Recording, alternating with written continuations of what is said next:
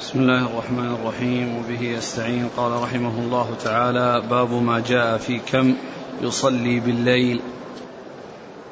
قال حدثنا أبو بكر بن أبي شيبة. قال حدثنا شبابة عن ابن أبي ذئب عن الزهري عن عروة عن عائشة رضي الله عنها حاء قال وحدثنا عبد الرحمن بن إبراهيم الدمشقي.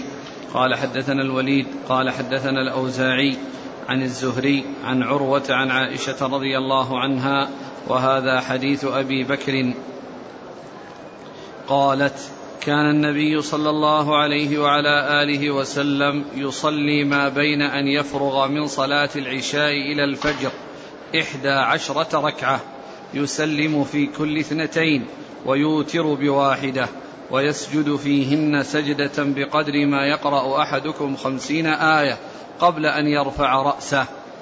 فإذا سكت المؤذن من الأذان الأول من صلاة الصبح قام فركع ركعتين خفيفتين. بسم الله الرحمن الرحيم. الحمد لله رب العالمين وصلى الله وسلم وبارك على عبده ورسوله نبينا محمد وعلى آله وأصحابه أجمعين.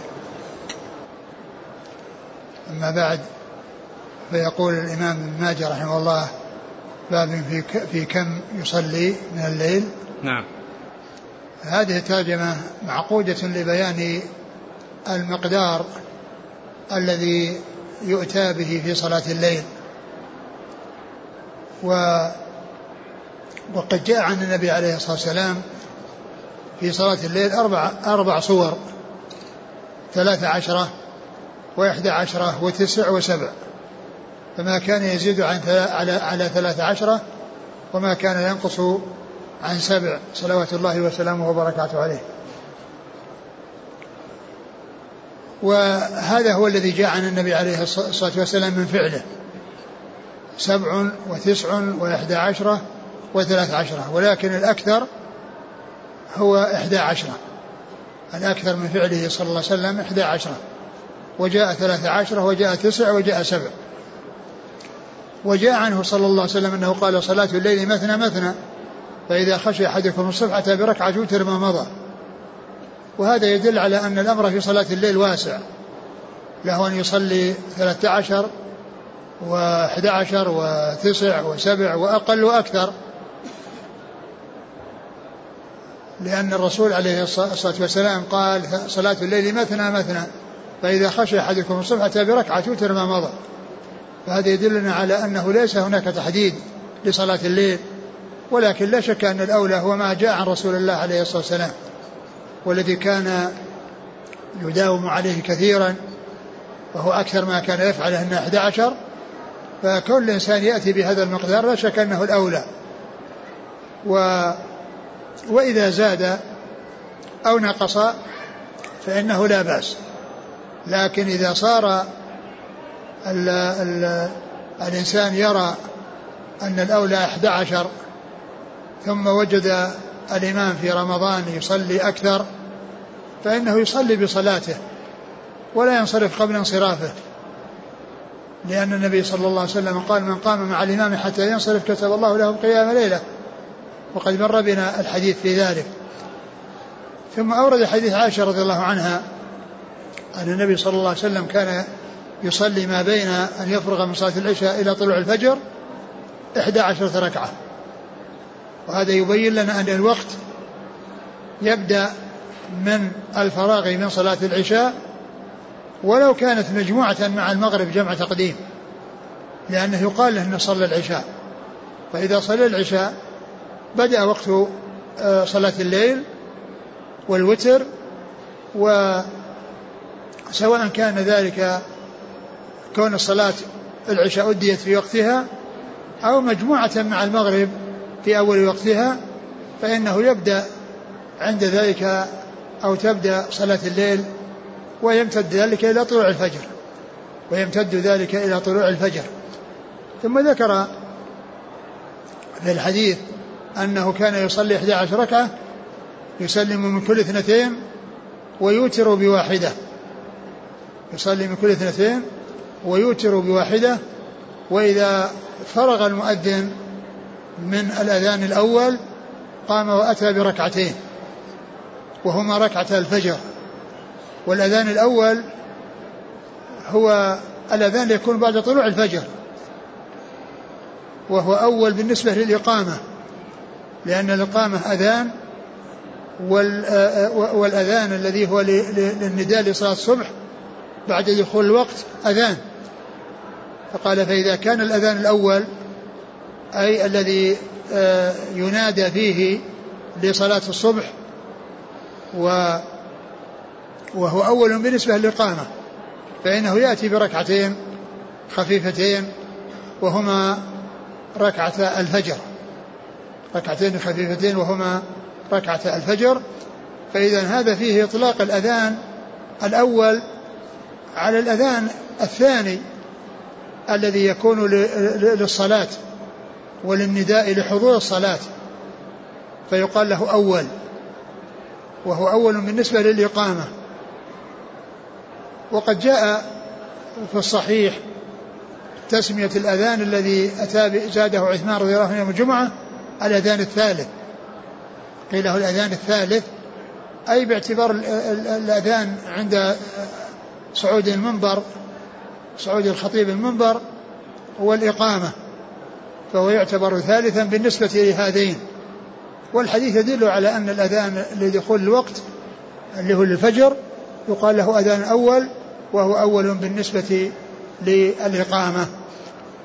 فإذا الحديث يدل على أنه كان عليه الصلاة والسلام يصلي من الليل إحدى عشرة ركعة يسلم من كل ركعتين ويوتر بواحدة وإذا فرغ أو سمع الأذان فرغ من الأذان الأول الذي يكون عند دخول وقت الفجر فإنه يأتي بركعتين خفيفتين هما ركعة الفجر.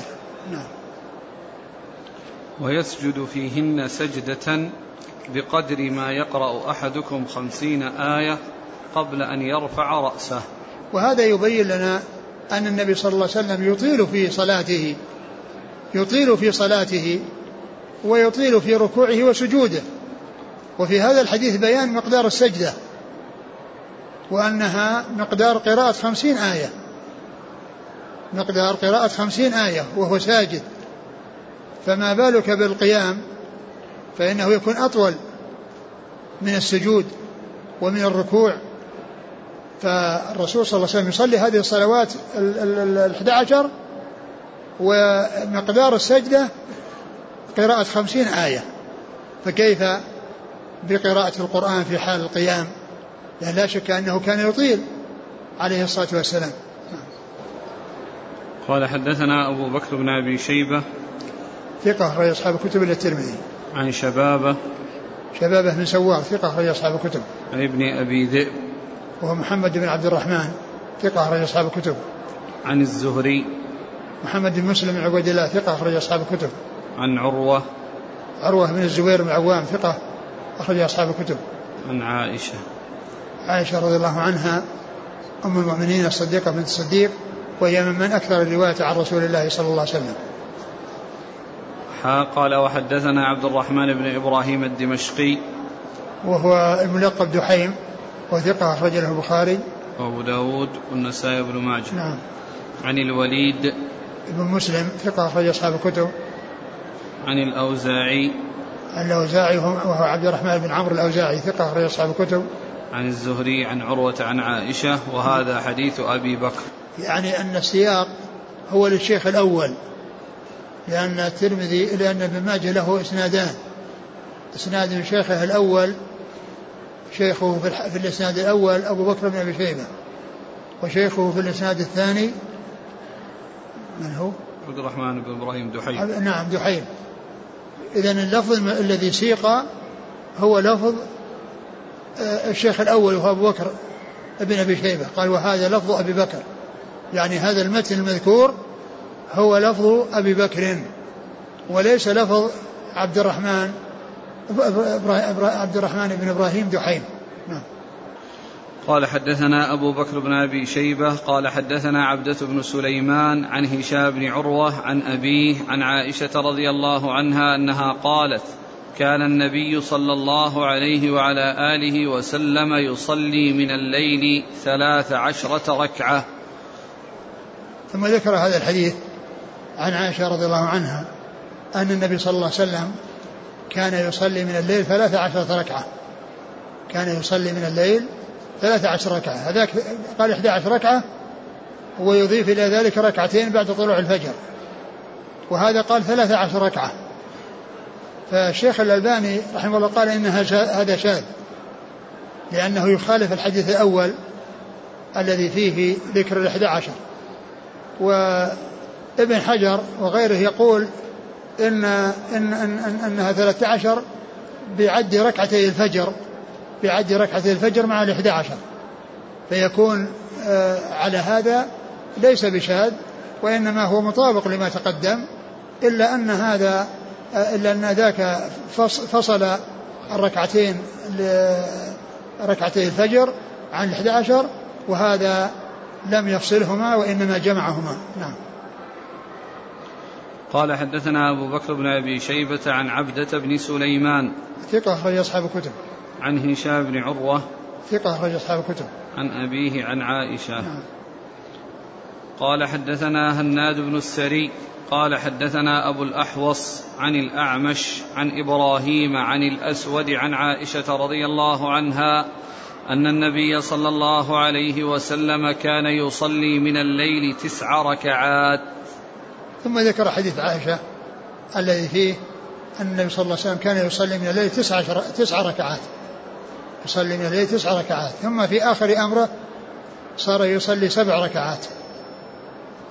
فكان يعني هذه الصيغ هذه الصفات الأربع جاءت عن رسول الله صلى الله عليه وسلم من فعله سبع وتسع وإحدى عشرة وثلاث عشرة. نعم. قال حدثنا هناد بن السري. وقد جاء في بعض الأحاديث أن أنه كان يصلي هذه التسع يعني يأتي بالثمان الأولى مسرودة ثم يجلس ويتشهد ويذكر الله عز وجل ثم يقوم ويأتي بركعة ثم يسلم. فيكون فعله هذا فيه الوصل والحديث الذي مر عن عائشة في الأول فيه الفصل لأنه كان يفصل كل ركعتين تسليمة كل ركعتين بتسليمة. وهذا جاء بيان ذلك بكونه لا يجلس إلا في آخرها يعني بعد الثامنة ثم يتشهد ويذكر الله عز وجل ثم يأتي بركعة ويسلم.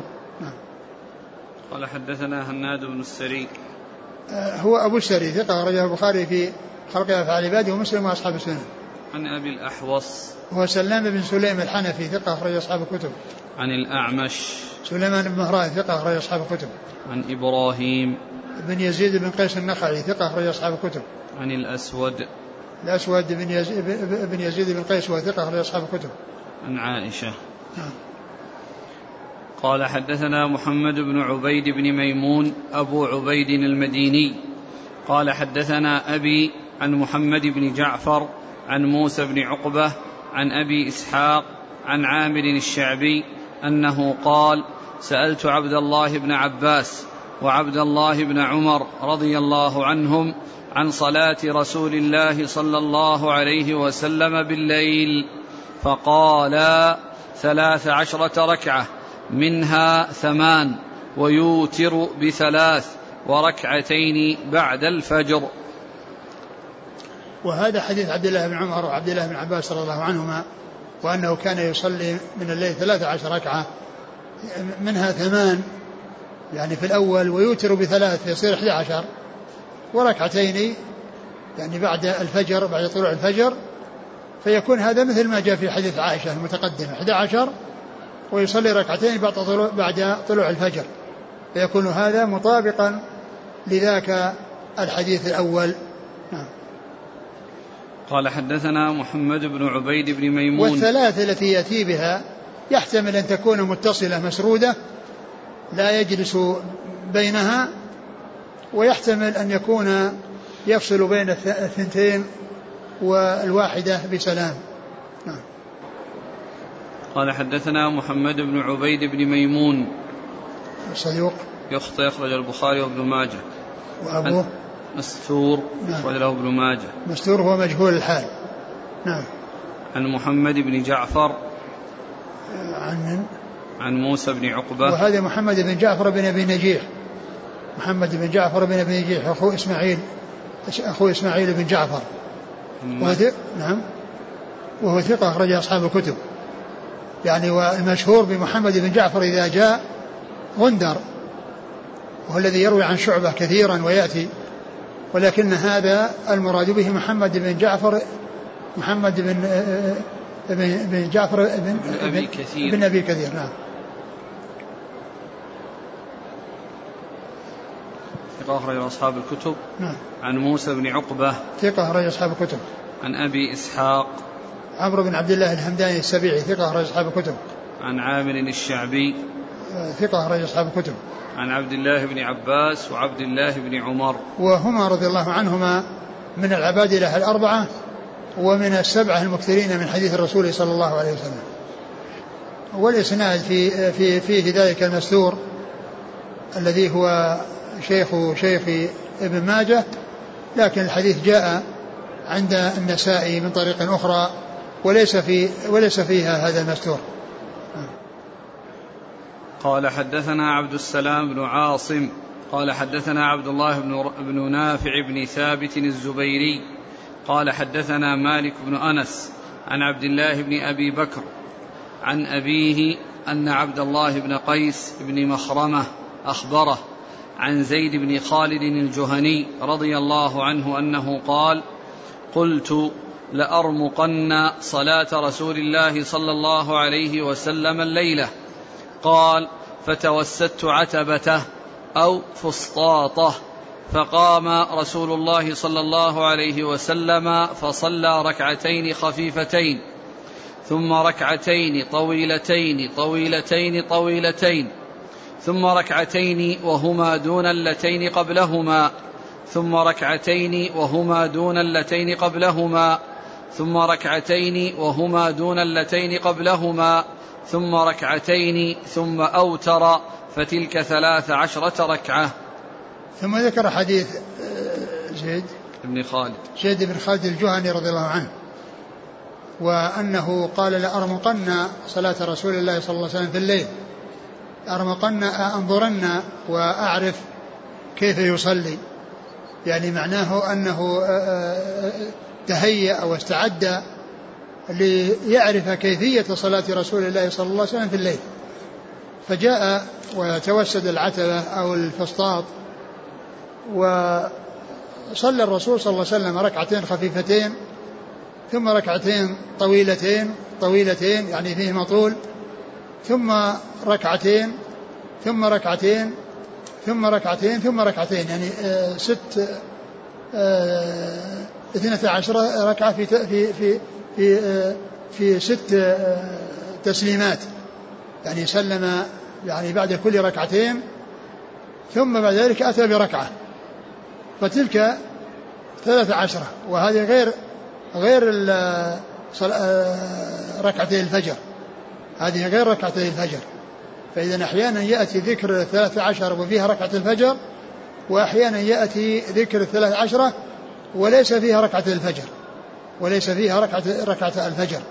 وهذا الحديث من هذا من هذا من هذا النوع الذي هو ثلاث عشرة بدون ركعتي الفجر. وهذا أعلى شيء جاء عن رسول الله صلى الله عليه وسلم أنه فعله. جاء أعلى شيء جاء عن رسول الله صلى الله عليه وسلم أنه فعله ثلاث عشرة ركعة يسلم من كل اثنتين. كما في حديث آه، زيد هذا وكما سيأتي في حديث ابن عباس عند بياته عند خالته ميمونة. نعم. قال حدثنا عبد السلام بن عاصم هو؟ مقبول أخرجه ابن ماجه. نعم. عن عبد الله بن نافع بن ثابت وهو؟ صدوق رجل النساء بن ماجه. نعم. عن مالك بن أنس. إمام دار الهجرة ثقة أخرج أصحاب الكتب. عن عبد الله بن أبي بكر. وهو ثقة أخرج أصحاب الكتب. عن أبيه. أبوه ثقة أخرج أصحاب الكتب. عن عبد الله بن قيس بن مخرمة. وهو؟ له رؤية أخرج له مسلم وأصحاب السنن. نعم. عن زيد بن خالد الجهني. رضي الله عنه أخرج أصحاب الكتب. قال حدثنا أبو بكر بن خلاد الباهلي. قال حدثنا معن بن عيسى. قال حدثنا مالك بن أنس عن مخرمة بن سليمان عن كريب مولى بن عباس عن ابن عباس رضي الله عنهما أنه أخبره أنه نام عند ميمونة رضي الله عنها زوج النبي صلى الله عليه وسلم وهي خالته. قال فاضطجعت في عرض الوسادة واضطجع رسول الله صلى الله عليه وسلم وأهله في طولها.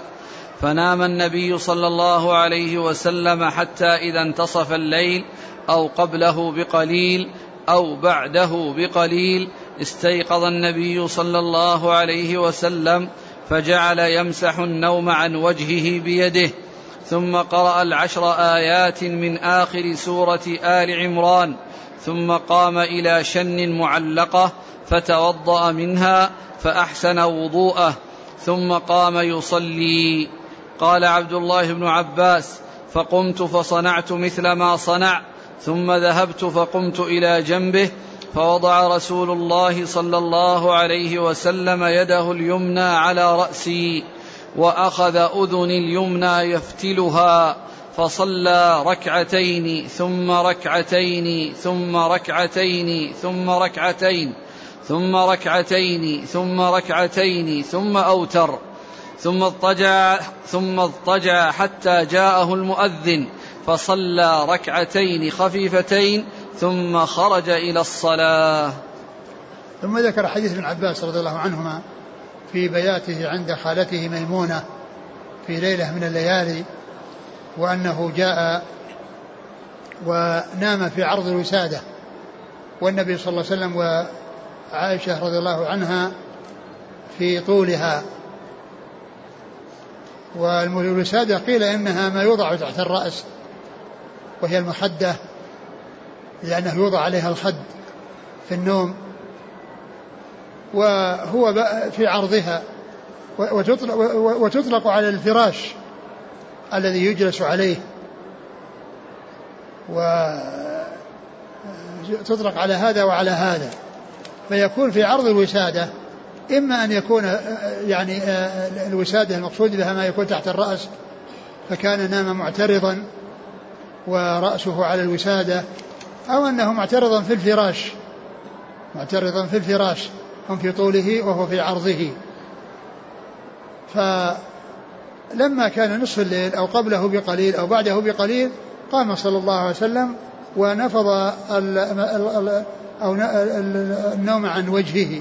بمعنى أنه كان يعني عن, عن عينيه أو يحرك يديه يحرك عينيه بيديه يعني حتى يذهب النوم ثم إنه قام إلى شن المعلق وشن المعلق قربة قديمة يعني قديمة يعني استعملت كثيرا فيقال لها شن فأفرغ منها وتوضأ وأحسن الوضوء. ثم قام يصلي. فجاء ابن عباس وفعل كما فعل بمعنى أنه قام ومسح بوجهه وقرأ الآيات الأخيرة من سورة آل عمران. ثم جاء للشن المعلق وتوضأ منه ثم جاء وصف بجواره من جهة اليسار. فالرسول صلى الله عليه وسلم أداره عن يمينه كما جاء مبينا في بعض الأحاديث. وكان في هذه الرواية أنه كان يفتل يعني أذنيه.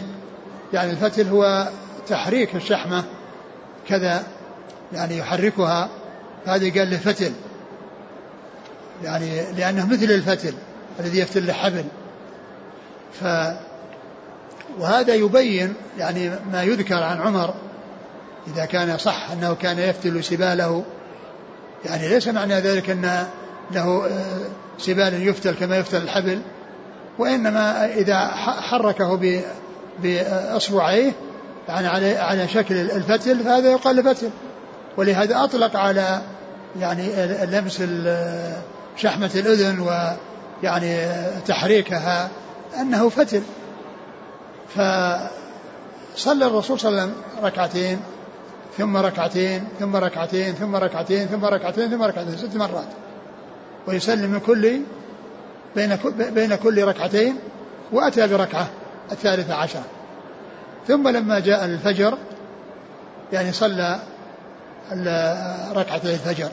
فتكون هذه الثلاث عشرة كما جاءت في حديث زيد بن خالد لا علاقة لها بالعدد لركعتي الفجر وإنما هي ثلاثة عشر كلها في الليل بين طلوع بين صلاة العشاء وبين طلوع الفجر. وهذا من فعله عليه الصلاة والسلام فإنه جاء من فعله في حديث زيد بن خالد وفي حديث آآ آآ ابن عباس وفي حديث عائشة أنه كان يسلم من كل ركعتين. إذا الحكم على الرواية بالشذوذ حديث عائشة ها؟ الحكم على رواية عائشة. كأنه من أجله لأنها صحابية واحدة. لأنه جاء عنها هذا وجاء عنها هذا. جاء عنها ثلاث عشرة وجاء عنها أحد عشرة. مع أن الذي في جاء أحد عشر ركعة ذكر فيه ركعتي الفجر.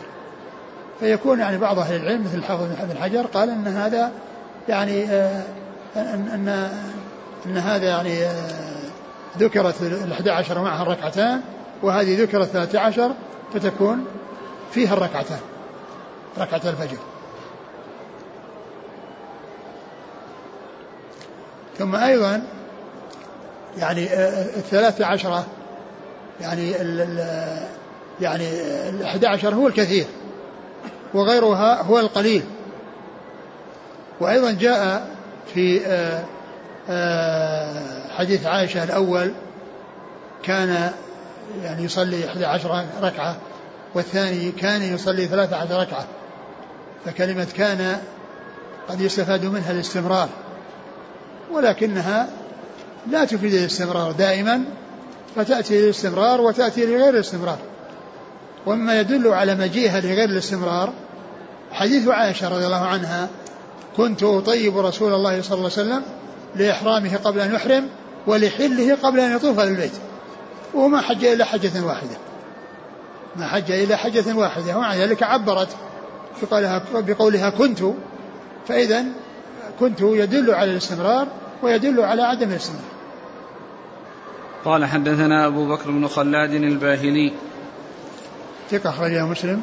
أبو داود والنسائي بن ماجه. نعم. عن معن بن عيسى. وهو ثقة أخرج أصحاب الكتب. عن مالك بن أنس. نعم. عن مخرمة بن سليمان. وهو ثقة أخرج أصحاب الكتب. عن كريب مولى ابن عباس. ثقة أخرج أصحاب الكتب. عن ابن عباس. نعم.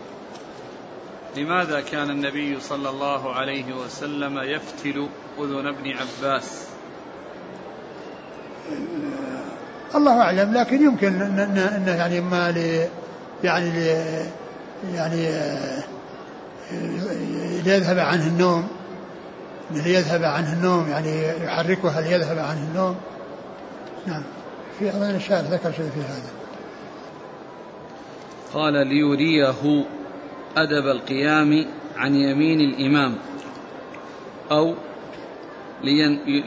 ليتنبه عن بقية النوم ويستحضر أفعال النبي صلى الله عليه وسلم. هو في بعض الروايات الأخرى أنه أداره إلى جهة اليمين من ورائه أداره إلى جهة اليمين من ورائه. يعني فيكون يعني مسك أو جعل يفتر إذنه وأشار إلى أنه يعني يذهب من ورائه. أو لأنه حتى يذهب عنه بقية النوم وحتى يذهب عنه النوم فيكون على استعداد لاستيعاب آه، أفعال الرسول صلى الله عليه وسلم بحيث لا يفوته من يفوته منها شيء. كيف يضطجع ابن عباس مع الرسول صلى الله عليه وسلم وأهله؟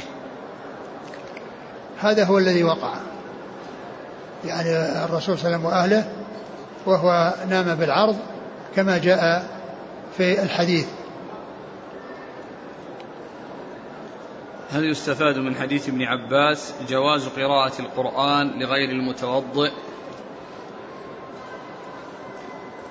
نعم والأصل هو الجواز حتى يأتي المنع.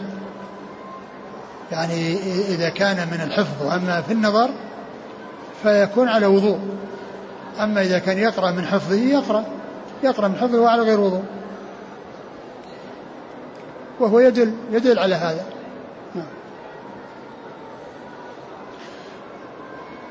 قال رحمه الله تعالى باب ما جاء في أي ساعات الليل أفضل.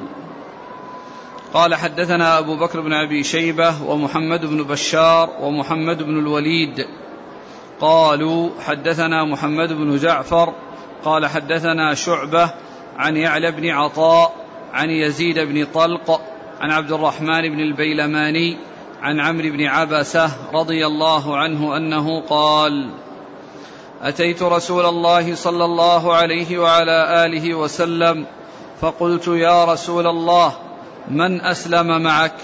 قال حر وعبد. قلت هل من ساعة أقرب إلى الله من أخرى؟ قال نعم جوف الليل الأوسط. ثم ذكر هذا الحديث عن عمرو بن عبسه رضي الله عنه.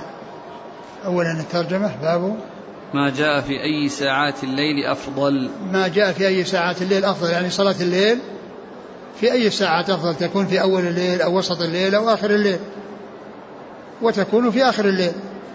الأفضل أن تكون في آخر الليل لأنها الوقت الذي فيه نام الناس ومستغرقون في النوم وفي الوقت الذي أيضا يدن الله عز وجل وينزل إلى السماء الدنيا ويقول من يستغفرني أغفر له ومن يدعوني أجيبه. ثم ذكر أحاديث منها حديث عمرو عمرو بن عبسة أنه جاء إلى النبي صلى الله عليه وسلم وقال من من من أول من أسلم؟ من أسلم معك؟ من أسلم معك قال حر وعبد. يعني الحر اللي هو أبو بكر والعبد الذي هو بلال. قال أي؟ هل من ساعة أقرب إلى الله من أخرى؟ هل من ساعة أقرب إلى الله من أخرى؟ يعني لها فضيلة ولها ميزة على غيرها من الساعات في الليل؟ قال نعم جوف الليل جوف الليل الأوسط. والحديث سبق أن مر بنا وأن هذه اللفظة التي جوف الليل الأوسط جاءت من طريق ابن ابن البيلماني وتلميذه في هذا الإسناد وهما يعني ضعيفان وأن وأن المحفوظ أنها جوف الليل الآخر الذي هو آخر الليل والذي تشهد له الأحاديث الأخرى. فإذا تكون ذكر الجوف الأوسط جاء من هذا الطريق فيكون فيه ضعف. الذي هو والمحفوظ هو جوف الليل الآخر الذي هو مطابق للأحاديث الأخرى. فيكون ما جاء في هذا الحديث له شواهد وله شيء يدل عليه إلا هذه الجملة التي جاءت عند من هذا الطريق الذي فيه آه، ضعيف ومجهول. نعم. قال حدثنا أبو بكر بن أبي شيبة ومحمد بن بشار. هو من دار ثقة أصحاب الكتب. ومحمد بن الوليد. وهو ثقة أخرج البخاري ومسلم والنسائي بن ماجه. نعم. عن محمد بن جعفر. وندر ثقة أخرج أصحاب الكتب. عن شعبة. نعم. عن نعلى بن عطاء. وهو ثقة أخرج البخاري في القراءة ومسلم وأصحاب السنن. نعم. عن يزيد بن طلق. وهو مجهول. وجله النسائي بن ماجه. نعم. عن عبد الرحمن بن البيلماني. وهو ضعيف. وجله أصحاب السنن. نعم. عن عمرو بن عبسة. رضي الله عنه أخرجه مسلم وأصحاب السنن كذلك الإسناد كان فيه انقطاع. في انقطاع فيه. يقول قال البوصيري هذا إسناد فيه عبد الرحمن البيلماني قال صالح جزرة لا يعرف أنه سمع من أحد من الصحابة. نعم. إلا من سرق ويزيد بن طلق. قال ابن حبان يروي المراسيل. نعم يعني يصير هذه علة ثالثة. يعني فيه مجهول وضعيف وانقطاع أو إرسال. قال حدثنا أبو بكر بن أبي شيبة قال حدثنا عبيد الله عن إسرائيل عن أبي إسحاق عن الأسود عن عائشة رضي الله عنها أنها قالت كان رسول الله صلى الله عليه وسلم ينام أول الليل ويحيي آخره. ثم ذكر هذا الحديث عن عائشة رضي الله عنها أن النبي صلى الله عليه وسلم كان ينام أول الليل ويحيي آخره يعني بالصلاة. يحيي آخره بالصلاة. وهذا يدل على أن الصلاة في آخر الليل أنها أفضل من غيرها لمن وثق من قيامه كما سبق أن مر. وهو يعني يدل على الترجمة وهي أي ساعات الليل أفضل. وهي آخر الليل لأنه يحيي آخره. كان ينام أوله ويحيي آخره. صلوات الله وسلامه وبركاته عليه. نعم. قال حدثنا أبو بكر بن أبي شيبة عن عبيد الله. عبيد الله بن موسى ثقة أخرج أصحاب الكتب. عن إسرائيل. هو بن يونس بن أبي إسحاق ثقة أخرج أصحاب الكتب. عن أبي إسحاق. نعم. عن الأسود عن عائشة. نعم. قال حدثنا أبو مروان محمد بن عثمان العثماني ويعقوب بن حميد بن كاسب. قال حدثنا إبراهيم بن سعد عن ابن شهاب عن أبي سلمة وأبي عبد الله الأغر عن أبي هريرة رضي الله عنه أن رسول الله صلى الله عليه وسلم قال ينزل ربنا تبارك وتعالى حين يبقى ثلث الليل الآخر كل ليلة كل ليلة. فيقول من يسألني فأعطيه من يدعوني فأستجيب له من يستغفرني فأغفر له حتى يطلع الفجر. فلذلك كانوا يستحبون صلاة آخر الليل على أوله. ثم ذكر هذا الحديث عن عائشة رضي الله عنها عن أبي هريرة. عن أبي هريرة رضي الله عنه النبي صلى الله عليه وسلم كان قال ينزل ينزل ربنا إلى السماء الدنيا كل ليلة حين يبقى ثلث الليل الآخر. فيقول هل من يدعوني فأستجيب له من يستغفرني فأغفر له حتى يطلع الفجر. قال ومن هنا كانوا يستحبون صلاة آخر الليل على أوله وهذا هو الذي يطابق الترجمة لأن أي ساعة أفضل يعني أنها آخر الليل.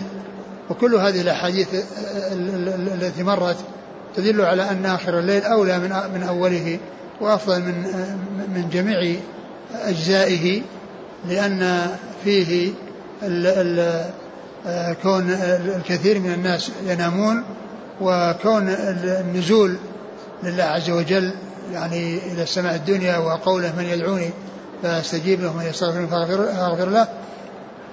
يعني في ذلك الوقت. و وفيه أيضا آه، إثبات نزول الله عز وجل وهو من صفات الأفعال وهو كغيره من الصفات يثبت على الوجه اللائق بكمال الله وجلاله دون أن يكون هناك تشبيه أو تمثيل أو تكييف ودون أن يكون هناك تحريف أو تعطيل أو تأويل بل كما قال الله عز وجل ليس كمثله شيء وهو السميع البصير فتثبت فتثبت الصفات مع مع التنزيه عن مشابهة المخلوقات. والآية وهي قوله سبحانه وتعالى ليس كمثله شيء والسميع البصير تدل على هذا وهذا لأن قوله هو السميع البصير إثبات وقوله ليس كمثله شيء نفي فهو له سمع لا كالأسماع وبصر لا كالأبصار وكذلك سائر الصفات. يعني نزوله ليس كنزول غيره بل نزول يختص به يليق بكماله وجلاله دون أن يكون مشابها لأحد من خلقه أو يكون أحد من خلقه مشابها له سبحانه وتعالى. نعم. قال حدثنا أبو مروان محمد بن عثمان. صدوق أخرج له. النسائي في خصائص علي وابن ماجه. نعم. ويعقوب بن حميد بن كاسب. وهو صدوق أخرجه البخاري في خلق العباد وابن ماجه. عن إبراهيم بن سعد. ثقة أخرج أصحاب الكتب. عن ابن شهاب. نعم. عن أبي سلمة. أبو وأب... سلمة بن عبد الرحمن بن عوف ثقة أخرج أصحاب الكتب. وأبي عبد الله الأغر. وهو سلمان الأغر ثقة أخرج له. أصحاب الكتب. نعم. عن أبي هريرة. نعم. قوله فلذلك كانوا يستحبون نعم. من قائلها؟ أحد الرواة ما أدري. ليس ابن ماجه. ما أدري. من صلى قبل الفجر بنصف ساعة هل يكون ممن أدرك ثلث الليل الآخر؟ نعم. لأن ثلث الآخر ينتهي بطلوع الفجر الثاني. ينتهي ثلث الليل الآخر بطلوع الفجر الثاني. كيف تحسب ساعات الليل حتى يعرف ثلث الليل الآخر؟ أه تقسم من غروب الشمس إلى طلوع الفجر وتقسم على ثلاثة والثلث الأخير من هذه الثلاثة هو هو الثلث الذي فيه الفضيلة. من غروب الشمس إلى طلوع الفجر يقسم على ثلاثة. يعني يعني ثلثها الأول ثم الثلث الأوسط ثم الثلث الأخير الذي نهايته طلوع الفجر. فإذا كان مثلا الليل من غروب الشمس إلى إلى طلوع الفجر تسع ساعات مثلا يصير الثلث الآخر ثلاث ساعات. جاء عند مسلم حين يمضي ثلث الليل الأول. فكيف الجمع؟ يعني جاء هذا يعني في في صحيح مسلم. و ما أتذكر إيش قال فيه شوف إيش قال فيه. لكن الروايات المتكاثرة المتعددة كلها بالثلث الأخير. ما فيش لم يتعرض السندي ما, ما تعرض لها قال حدثنا أبو بكر بن أبي شيبة قال حدثنا محمد بن مصعب عن الأوزاعي عن يحيى بن أبي كثير عن هلال بن أبي ميمونة عن عطاء بن يسار عن رفاعة الجهني رضي الله عنه أنه قال قال رسول الله صلى الله عليه وعلى آله وسلم إن الله يمهل حتى إذا ذهب من الليل نصفه أو ثلثاه قال لا يسألن عبادي غيري. من يدعني أستجب له. من يسألني أعطه. من يستغفرني أغفر أغفر له حتى يطلع الفجر. ثم ذكر حديث آه، رفاعة الجهني. رفاعة الجهني رضي الله عنه. وهو مثل الحديث الذي قبله يعني أنها أنه ينزل حين يبقى ثلث الليل الآخر. قال يعني يمهل يعني يؤخر. فيكون نزوله في الثلث الآخر فيقول من يدعوني فأستجيب له ومن يستغفروني فأغفر له حتى يطلع الفجر. يعني أنه في الثلث في الثلث الأخير من الليل كما جاء في الحديث المتقدم عن أبي هريرة رضي الله عنه. نعم. قال حدثنا أبو بكر بن أبي شيبة عن محمد بن مصعب. هو؟ صدوق كثير الغلط أخرجه الترمذي وابن ماجه. عن الأوزاعي عن يحيى بن أبي كثير. اليمامي ثقة أخرج أصحاب الكتب. عن هلال بن أبي ميمونة. وهو؟ ثقة أخرج أصحاب الكتب. عن عطاء بن يسار.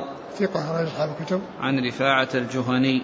رضي الله عنه أخرج له. النسائي وابن ماجه. كلام النووي. كلام النووي في شرح مسلم. ها؟ كلام النووي في شرح مسلم. اللي هو؟ الروايات. ثلث الليل والنصف الليل؟ يقول حين يبقى ثلث الليل الآخر وفي الرواية الثانية حين يمضي ثلث الليل الأول وفي رواية إذا مضى شطر الليل أو ثلثاه. قال القاضي عياض الصحيح رواية حين يبقى ثلث الليل الآخر. كذا قاله شيوخ الحديث وهو الذي تظاهرت عليه الأخبار بلفظه ومعناه.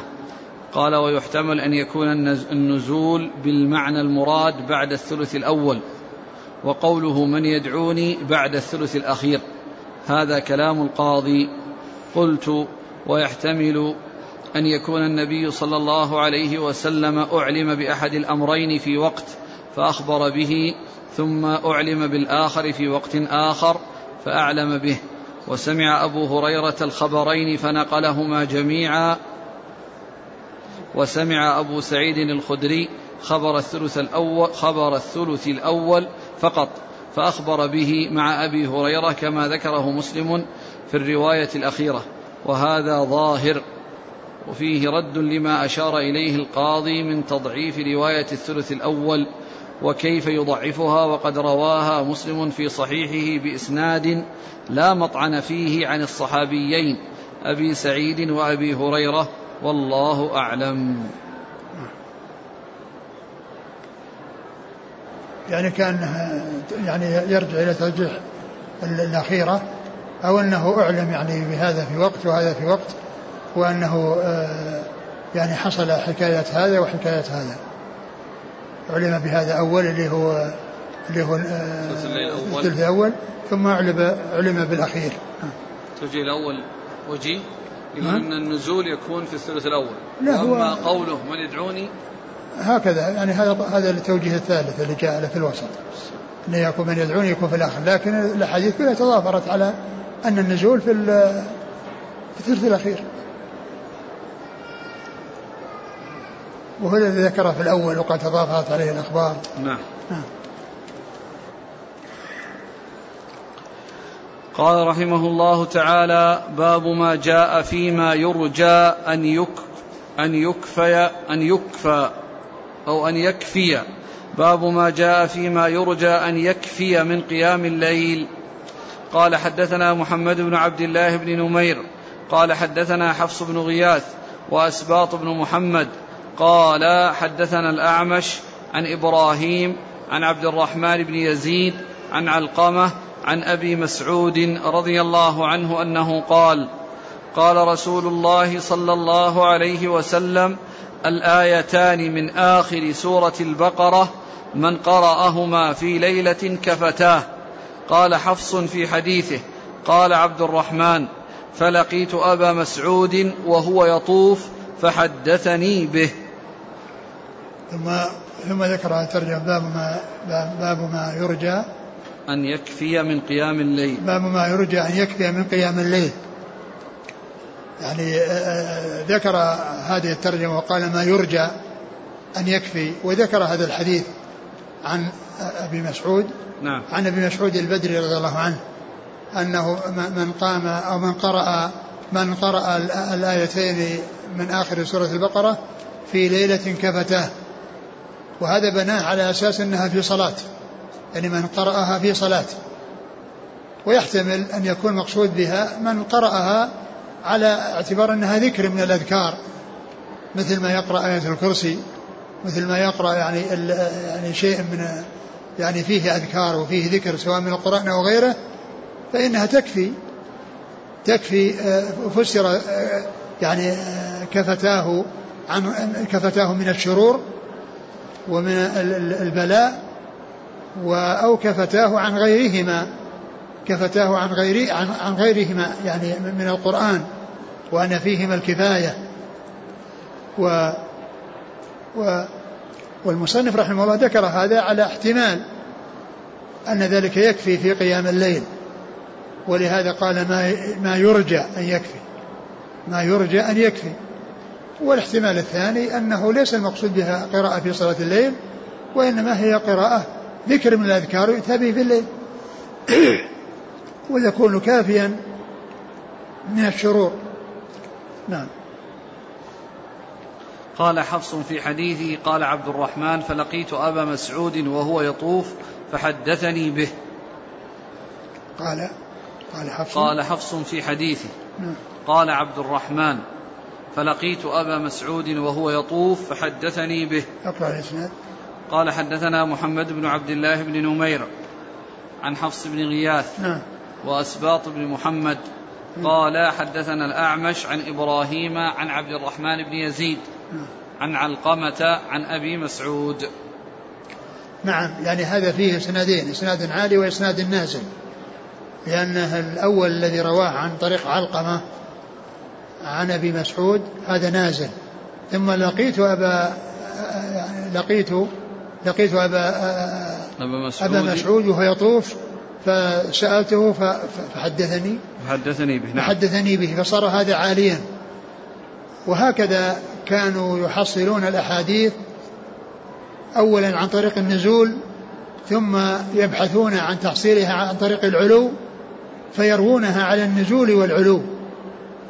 فيروونها على النزول والعلو لأنه آه، حصله أولا بغير بواسطة ثم حصل الرواية عن أبي سعيد أبي مسعود بغير واسطة. حصله بغير واسطة. فالإسناد فال فال فال فال هذا الإسناد فيه علو ونزول. علو رواية عبد الرحمن بن الأسود عن علقمة عن أبي مسعود ورواية عبد الرحمن عن أبي مسعود مباشرة وبدون واسطة. نعم. قال حدثنا محمد بن عبد الله بن نمير. ثقة رجل أصحاب الكتب. عن عفص بن غياث. ثقة رجل أصحاب الكتب. وأسباط بن محمد. وهو صدوق ثقة رجل أصحاب الكتب. نعم. عن الأعمش عن إبراهيم عن عبد الرحمن بن يزيد. نعم. هو النخعي ثقة رجل أصحاب الكتب. عن علقمة. هو ثقة رجل أصحاب الكتب. عن أبي مسعود. نعم. عن إبراهيم. في عن إبراهيم. إبراهيم. آه. عن عبد الرحمن بن يزيد. عن علقمة. عن أبي مسعود. نعم. قال حدثنا عثمان بن أبي شيبة قال حدثنا جرير عن منصور عن إبراهيم عن عبد الرحمن بن يزيد عن أبي مسعود رضي الله عنه أن رسول الله صلى الله عليه وسلم قال من قرأ الآيتين من آخر سورة البقرة في ليلة كفتاه. وهذا حديث الحديث بمعنى الحديث الأول وهو وهو عالي لأن عبد الرحمن يرويه عن أبي مسعود. وهو من غير طريق التي مضت في الطريق السابق التي حفص بن غياث الذي رواه يعني آه الذي رواه آه يعني آه جاء من طريقه عاليا. هنا أيضا من طريق أخرى جاء عاليا.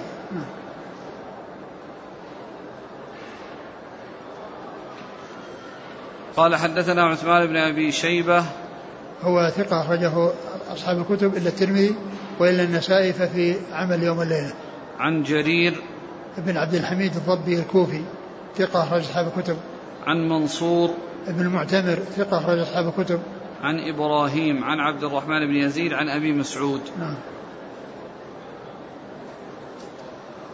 هل فضل هاتين الآيتين لكونها يعني تشتمل على مسألة؟ نعم لأنها مشتملة على على الإيمان وعلى أركان الإيمان لأنها تشتمل على خمسة من أصول الإيمان الستة.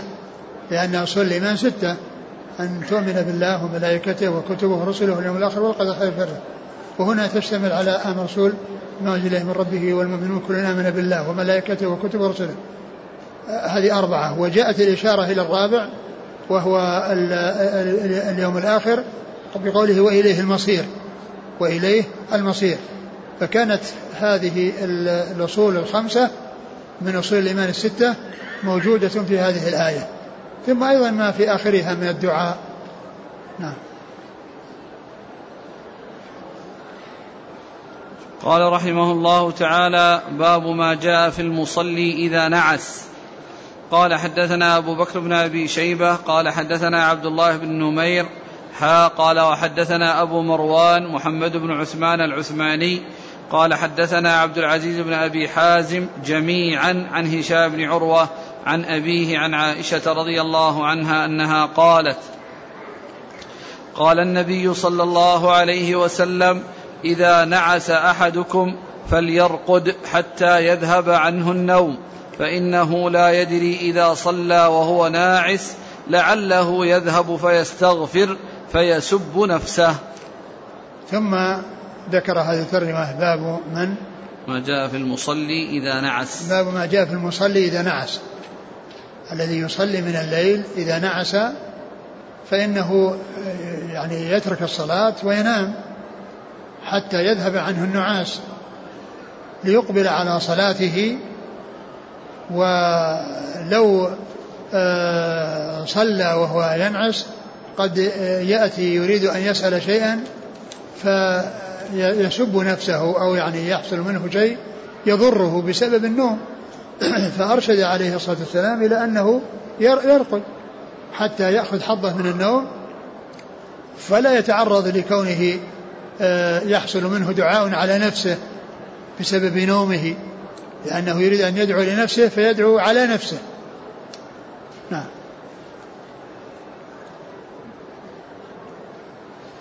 قال حدثنا أبو بكر بن أبي شيبة عن عبد الله بن نمير. ثقة أخرج أصحاب الكتب. حا قال وحدثنا أبو مروان محمد بن عثمان عن عبد العزيز بن أبي حازم. وهو صدوق أخرج أصحاب الكتب.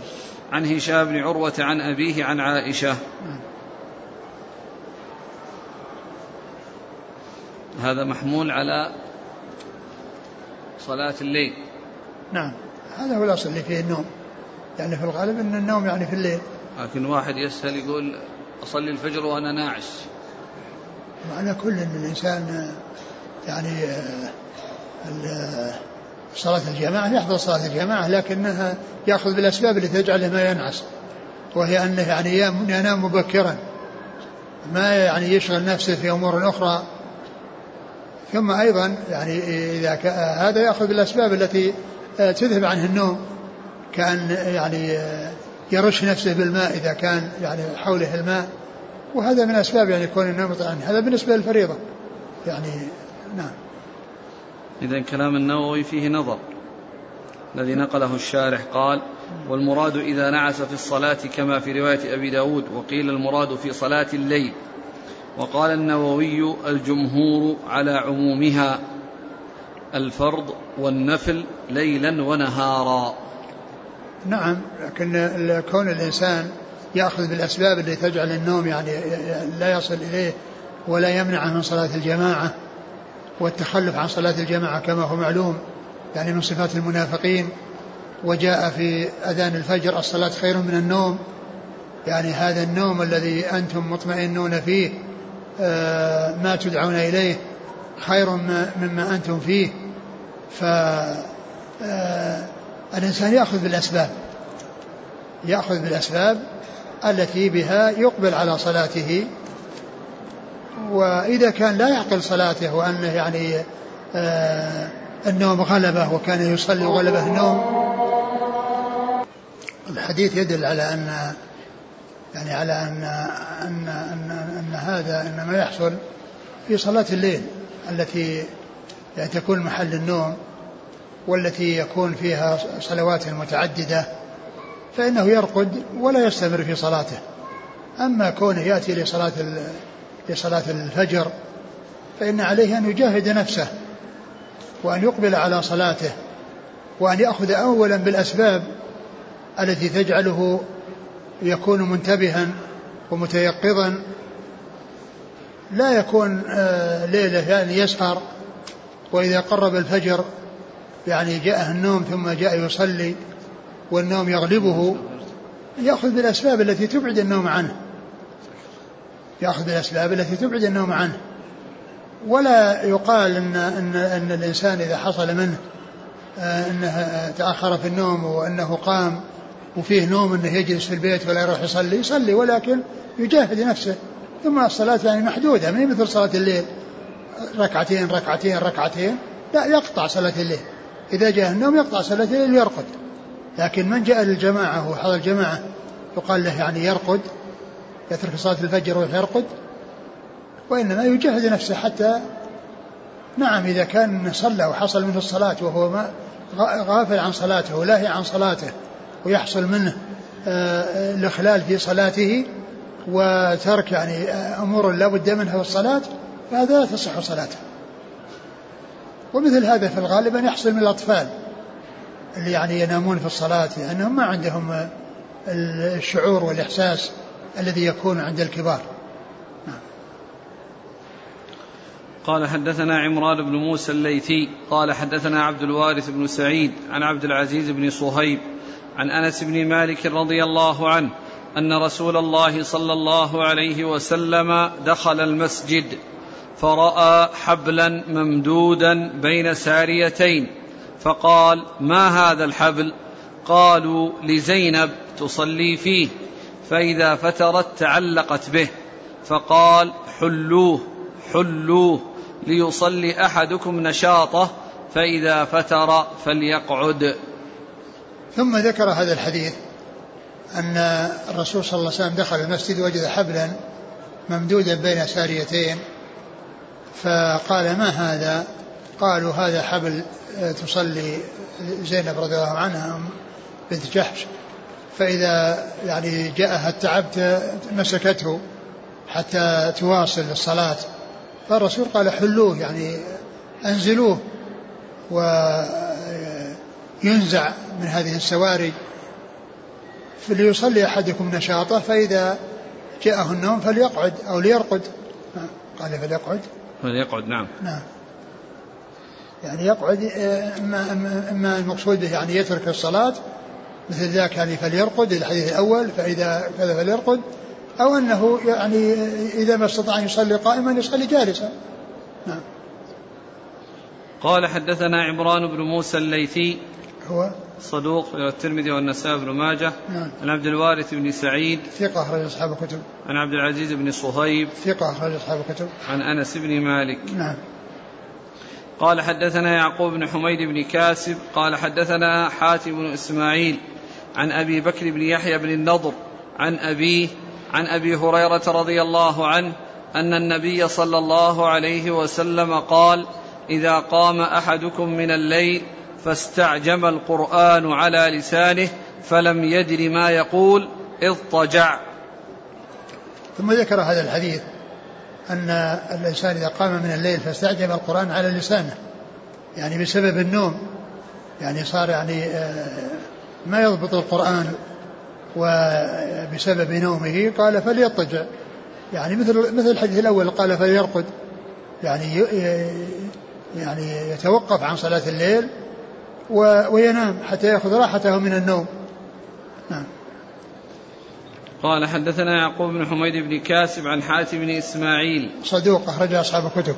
عن أبي بكر بن يحيى بن النضر وهو مستور أخرجه نعم. البخاري المفرد بن ماجه. نعم.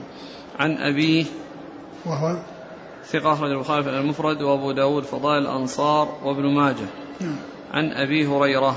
نعم. قال رحمه الله تعالى باب ما جاء في الصلاة بين المغرب والعشاء. والله تعالى أعلم وصلى الله وسلم وبارك على عبده ورسوله نبينا محمد وعلى آله وأصحابه أجمعين.